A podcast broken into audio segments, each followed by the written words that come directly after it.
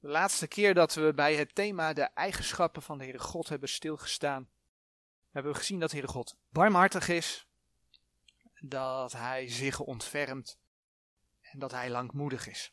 De Bijbel laat zien dat de Heere God barmhartig is, dat Hij innerlijk bewogen is met de mens en dat het Zijn grote barmhartigheid was dat Hij in Zijn Zoon naar deze aarde is gekomen. Dat zijn zoon geleden heeft, dat zijn zoon gestorven is en dat zijn zoon opgestaan is.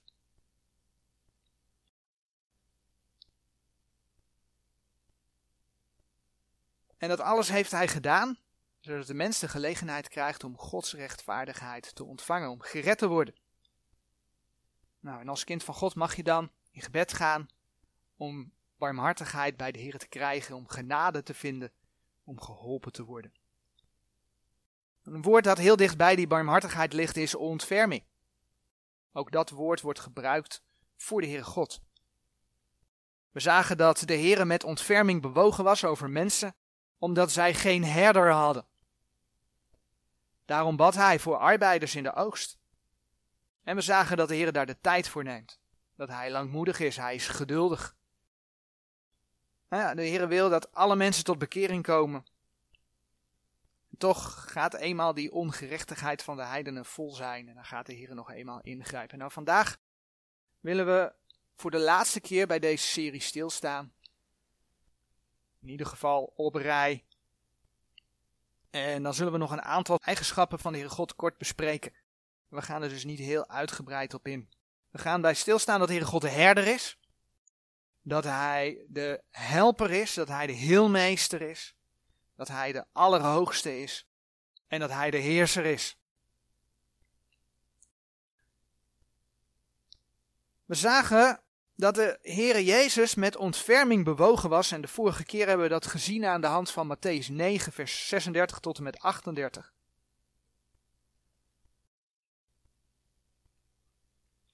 De Heere was met ontferming bewogen omdat hij zag dat de mensen geen herder hadden. En we kennen de Heer Jezus natuurlijk als de goede herder.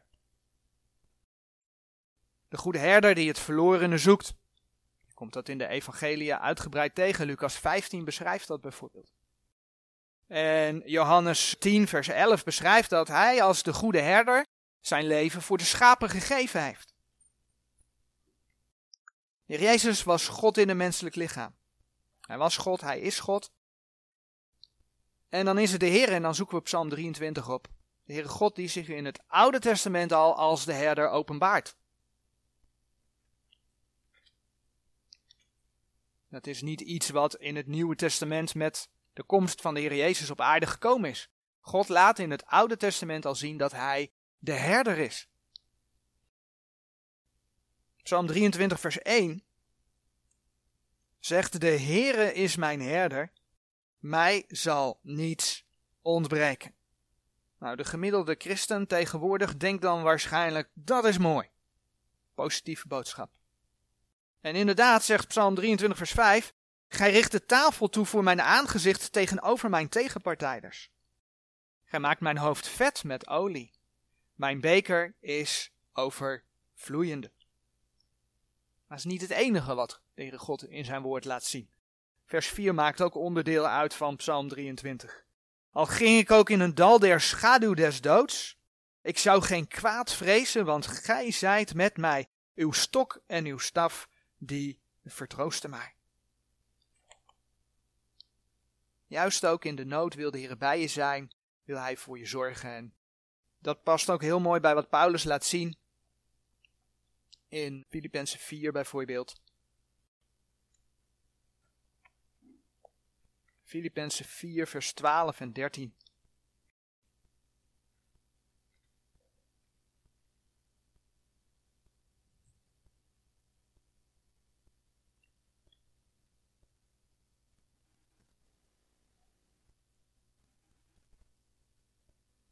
En die verse, daar staat geschreven, en ik weet vernederd te worden, ik weet ook overvloed te hebben.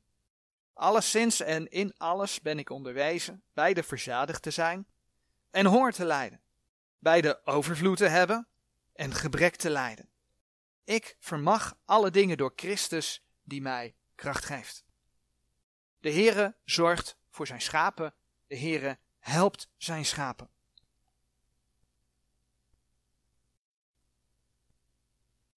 We zagen ook al dat we met vrijmoedigheid tot de troon der genade mogen gaan om barmhartigheid te krijgen. Om genade te vinden, om geholpen te worden in moeilijkheden, in zwakheden. Wil de Heer nabij zijn en hij kan dat omdat hij zelf naar de aarde is gekomen en voor ons geleden heeft. Hij is verzocht geweest. Hebreeën 4 vers 15 en 16 zeggen dat. De herder helpt dus. Als we dan Psalm 54 opzoeken, Psalm 54 vers 6.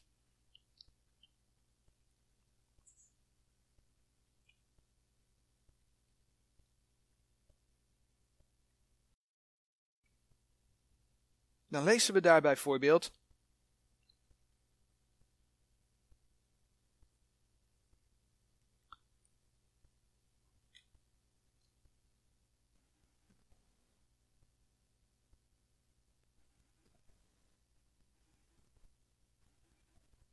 Zie, God is mij een helper. De Heere is onder degene die mijn ziel ondersteunen.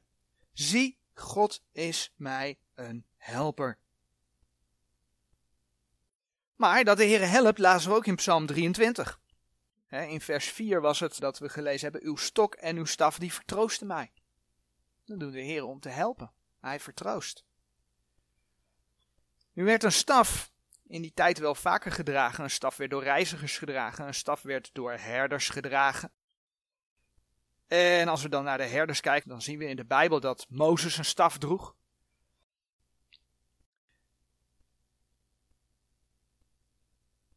Mozes droeg een staf, ook toen hij het volk leidde. En voor Mozes en Aaron, als je die geschiedenis in het Oude Testament leest, dan zie je dat die staf ook een teken was dat God hen gezonden had. Zij konden die staf op de grond werpen en die staf werd een slang en dan konden ze het weer oppakken. Dat was een teken dat God had gegeven. En dat deed God door die staf heen. Een soort teken ook van autoriteit. Zij leidden het volk. En als we dan kijken in Micha 7, vers 14. Dan komen we zo nog even terug bij Psalm 23. Als we kijken in Micha 7, vers 14.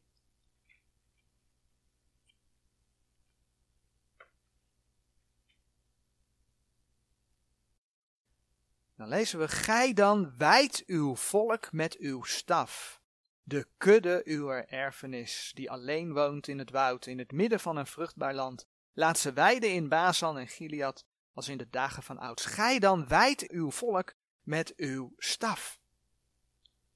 Die staf die wordt dus in verbinding gebracht met weiden.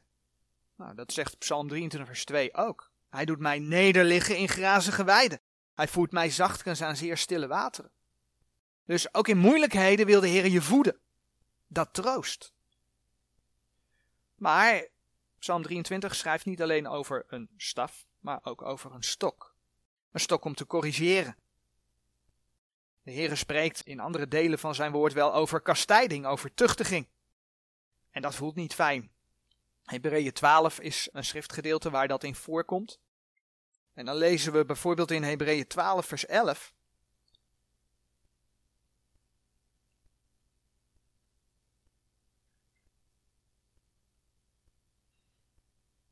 En alle kastijding als die tegenwoordig is, schijnt geen zaak van vreugde, maar van droefheid te zijn. Doch daarna geeft zij van zich een vreedzame vrucht der gerechtigheid, degene die door dezelfde geoefend zijn. Dus door het corrigeren heen, wat op het moment dat het gebeurt niet leuk is, ontvang je, zegt de Heer, een vreedzame vrucht. En ook dat geeft troost. Blijkbaar heb je dat als mens af en toe nodig. Psalm 119 zegt daar een aantal mooie dingen over. Psalm 119, vers 67 en 68.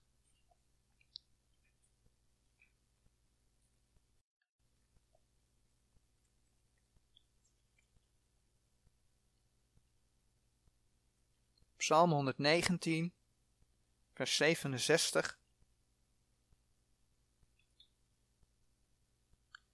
Eer ik verdrukt werd, dwaalde ik, maar nu onderhoud ik uw woord. Gij zijt goed en goeddoende, leer mij uw inzettingen. Dus door het corrigeren ontvang je als mens dat je gaat leren om Gods woord te onderhouden. Dan zegt vers 71 nog: Het is mij goed dat ik verdrukt ben geweest. En daar staat het, opdat ik uw inzettingen leerde. Dus hoe lastig dat soms ook kan zijn, het is een manier waarop de Heer als herder en helper helpt. Hij helpt je op de rechte weg. Een manier waarop de Heer kan helpen, is ook dat hij kan genezen. Dan bladeren we naar Exodus, Exodus hoofdstuk 15. Want een tekst die nog wel eens te pas en te onpas aangehaald wordt, is Exodus 15 vers 26, waarin staat, want ik, de Heere, ik ben de Heere uw heelmeester.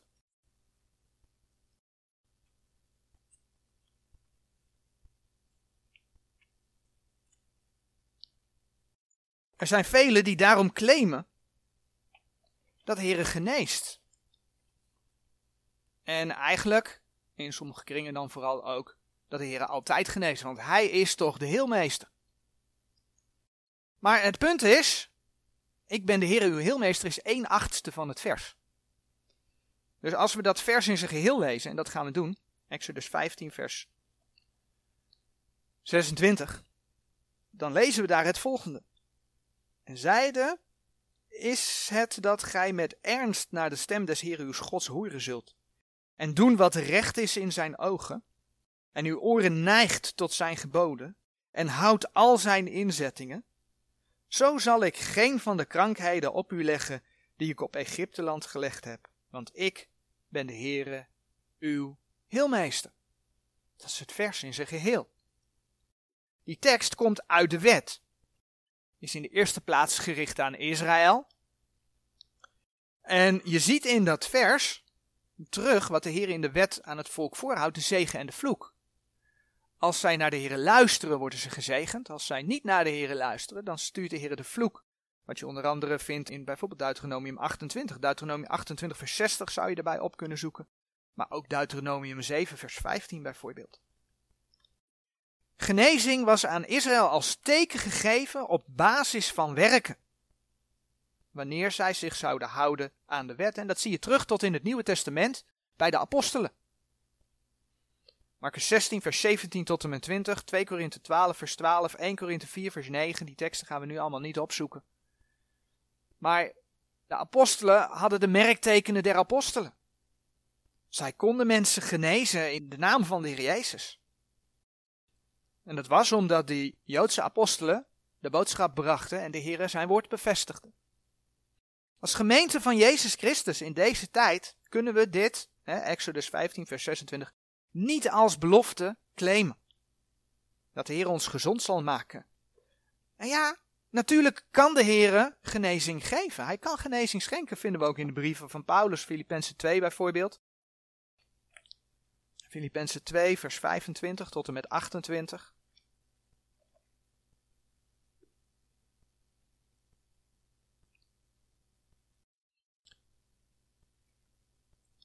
Filippenzen 2, vers 25. Maar ik heb nodig geacht tot u te zenden Epaphroditus, mijn broeder en medearbeider en medestrijder. En uw afgezondene en bedienaar mijner nooddruft, terwijl hij zeer begeerig was naar u allen en zeer beangst was, omdat gij gehoord had dat hij krank was. En hij is ook krank geweest tot nabij de dood. Maar God heeft zich zijner ontfermd. En niet alleen zijner, maar ook mijner. Opdat ik niet droefheid op droefheid zou hebben. Epaphroditus was genezen. Maar het is geen vanzelfsprekendheid. Ook de gelovige is onderhevig aan de zondeval. Ook de gelovige kan ziek worden. De belofte die de Heer de gemeente geeft, bestaan onder andere uit de belofte dat hij niet boven vermogen laat verzoeken. Dat hij uitkomst geeft met de verzoeking. 1 Korinthe 10 vers 13. Dat hij alle dingen doet medewerken ten goede. Dus ook dat soort dingen, Romeinen 8, vers 28. Dus ja, de Heer krijgt de naam Heelmeester. Hij heeft het in zijn macht om te genezen. Hij kan dat, indien het zijn wil is. Nou, hij kan het altijd, maar hij doet het indien het zijn wil is. Maar we mogen Gods woord niet uit de context halen. En als iemand ziek is, maar zeggen van ja, de Heer is heel meester, dus je zult wel gezond worden. Dat kan niet.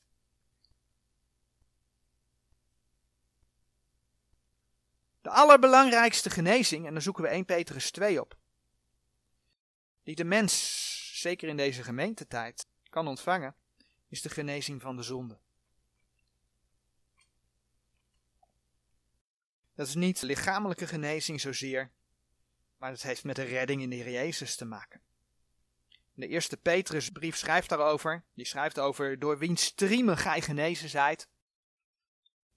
En dan zou je dus denken, oké, dus als ik de Heer Jezus aanneem, dan word ik beter van allerlei kwalen die ik heb. Maar als je de context van dat vers, van dat stukje leest, dan zie je dat het met zonde te maken heeft. 1 Petrus 2, vers 24 en 25.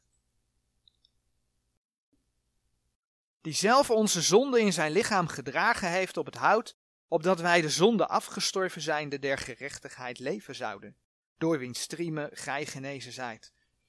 Want gij waart als dwalende schapen, maar gij zijt nu bekeerd tot de herder en opziener uwer zielen.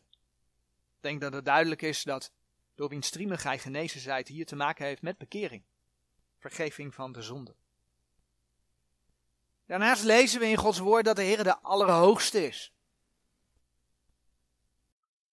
Hij is almachtig, hij heeft alle macht, hij is alwetend, hij weet alles. Hij is alomtegenwoordig, hij is overal. Hij is ook de Allerhoogste. Onlangs hebben we bij de hemel stilgestaan. En we hebben gezien dat de Heer God in de derde hemel woont. Onder andere op basis van 2 Korinthe 12 vers 2 en Openbaring 4 vers 2. Dus in plaats is hij de Allerhoogste. Maar ook in plaatsing is hij de Allerhoogste, want er is maar één God. Als we in 1 Korinthe 8 kijken.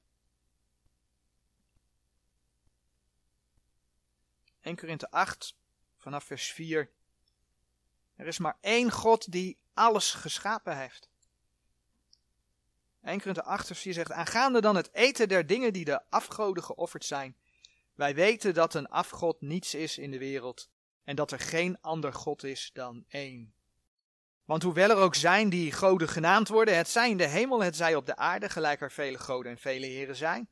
Nochtans hebben wij maar één God, de Vader, uit welke alle dingen zijn, en wij tot hem. En maar één Heer Jezus Christus, door welke alle dingen zijn, en wij door hem. En het is dan ook niet voor niets dat we hem mogen loven en prijzen, omdat hem alle macht en eer toekomt. In Openbaring 4 vers 11, de tekst die staat op de dia, daar lezen we ook, Gij heren zijt waardig te ontvangen de heerlijkheid en de eer en de kracht, want gij hebt alle dingen geschapen en door uw wil zijn zij en zijn zij geschapen. De Heere komt alle eer toe, de Heere komt alle macht toe. En zo is onze God ook de heerser. Dan gaan we naar Daniel 4.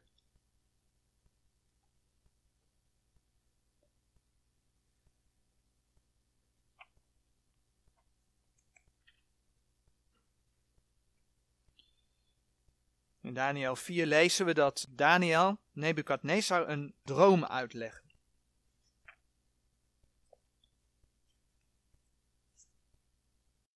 En dan lezen we in de versen 24 en 25 van Daniel 4 het volgende.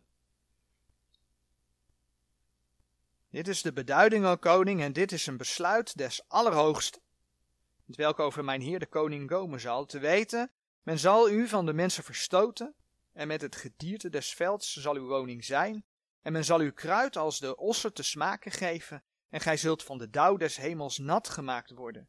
En er zullen zeven tijden over u voorbij gaan, totdat gij bekent dat de Allerhoogste heerschappij heeft over de koninkrijken der mensen en geeft wien hij wil. En geeft ze wien hij wil. De Allerhoogste heeft heerschappij. Ondanks dat we ook in Gods woord lezen, bijvoorbeeld bij de verzoeking in de woestijn in Lucas 4, vers 6, dat de Satan het gegeven is om de koninkrijken der aarde uit te delen, gaat niets buiten de Here om. Het is de Heere die bepaalt, het is de Heere die toelaat. En dat was ook met de heidense koning Nebukadnezar zo. En ja, als we dan wel zijn en het profetisch plaatje in ons hoofd hebben, dan is dat dus ook zo met de komende wereldheerser, als de antichrist. Dus als we alles daar naartoe zien groeien, naar een antichristelijk rijk, dan weten we dat we ook daar de hand van de Heere God in mogen zien. Hij laat het toe. En dan moeten we niet verschrikken als er rare dingen gebeuren. Als we dan in Daniel 4, vers 17 kijken. Dan lezen we ook de verklaring waarom er rare dingen gebeuren. Een verklaring. Daniel 4, vers 17.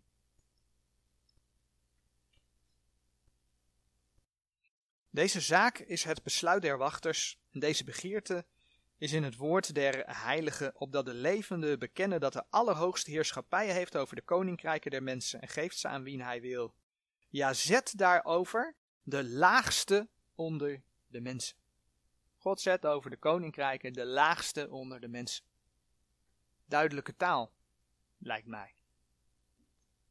Als je dan weer eens een keer hoort roepen dat er geen actieve herinnering is, dan kun je dat plaatsen. Als kinderen van God mogen we vertrouwen op, mogen we schuilen bij God, die, daar hebben we allemaal bij stilgestaan de afgelopen negen delen, die heilig is. God die rechtvaardig is, God die liefde is. God die almachtig is, alwetend is. God die alomtegenwoordig is. God die eeuwiglijk is. God die onveranderlijk is. God die licht is. God die de heiland is. God die een God van toren is. God die genadig is. God die jaloers is. God die een drie-eenheid is, die het vaderschap heeft. God die getrouw is. God die barmhartig is, ontfermend is. God die langmoedig is. God die de herder is, die de helper is, die de heelmeester is, die de allerhoogste is en God die de heerser is. En dan zoeken we als laatste vers Jesaja 9 vers 6 op.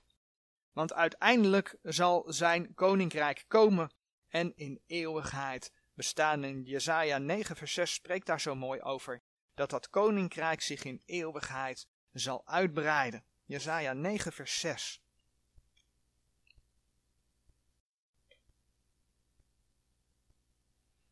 Der grootheid deze heerschappij en des vredes zal geen einde zijn op de troon van David en in zijn koninkrijk om dat te bevestigen.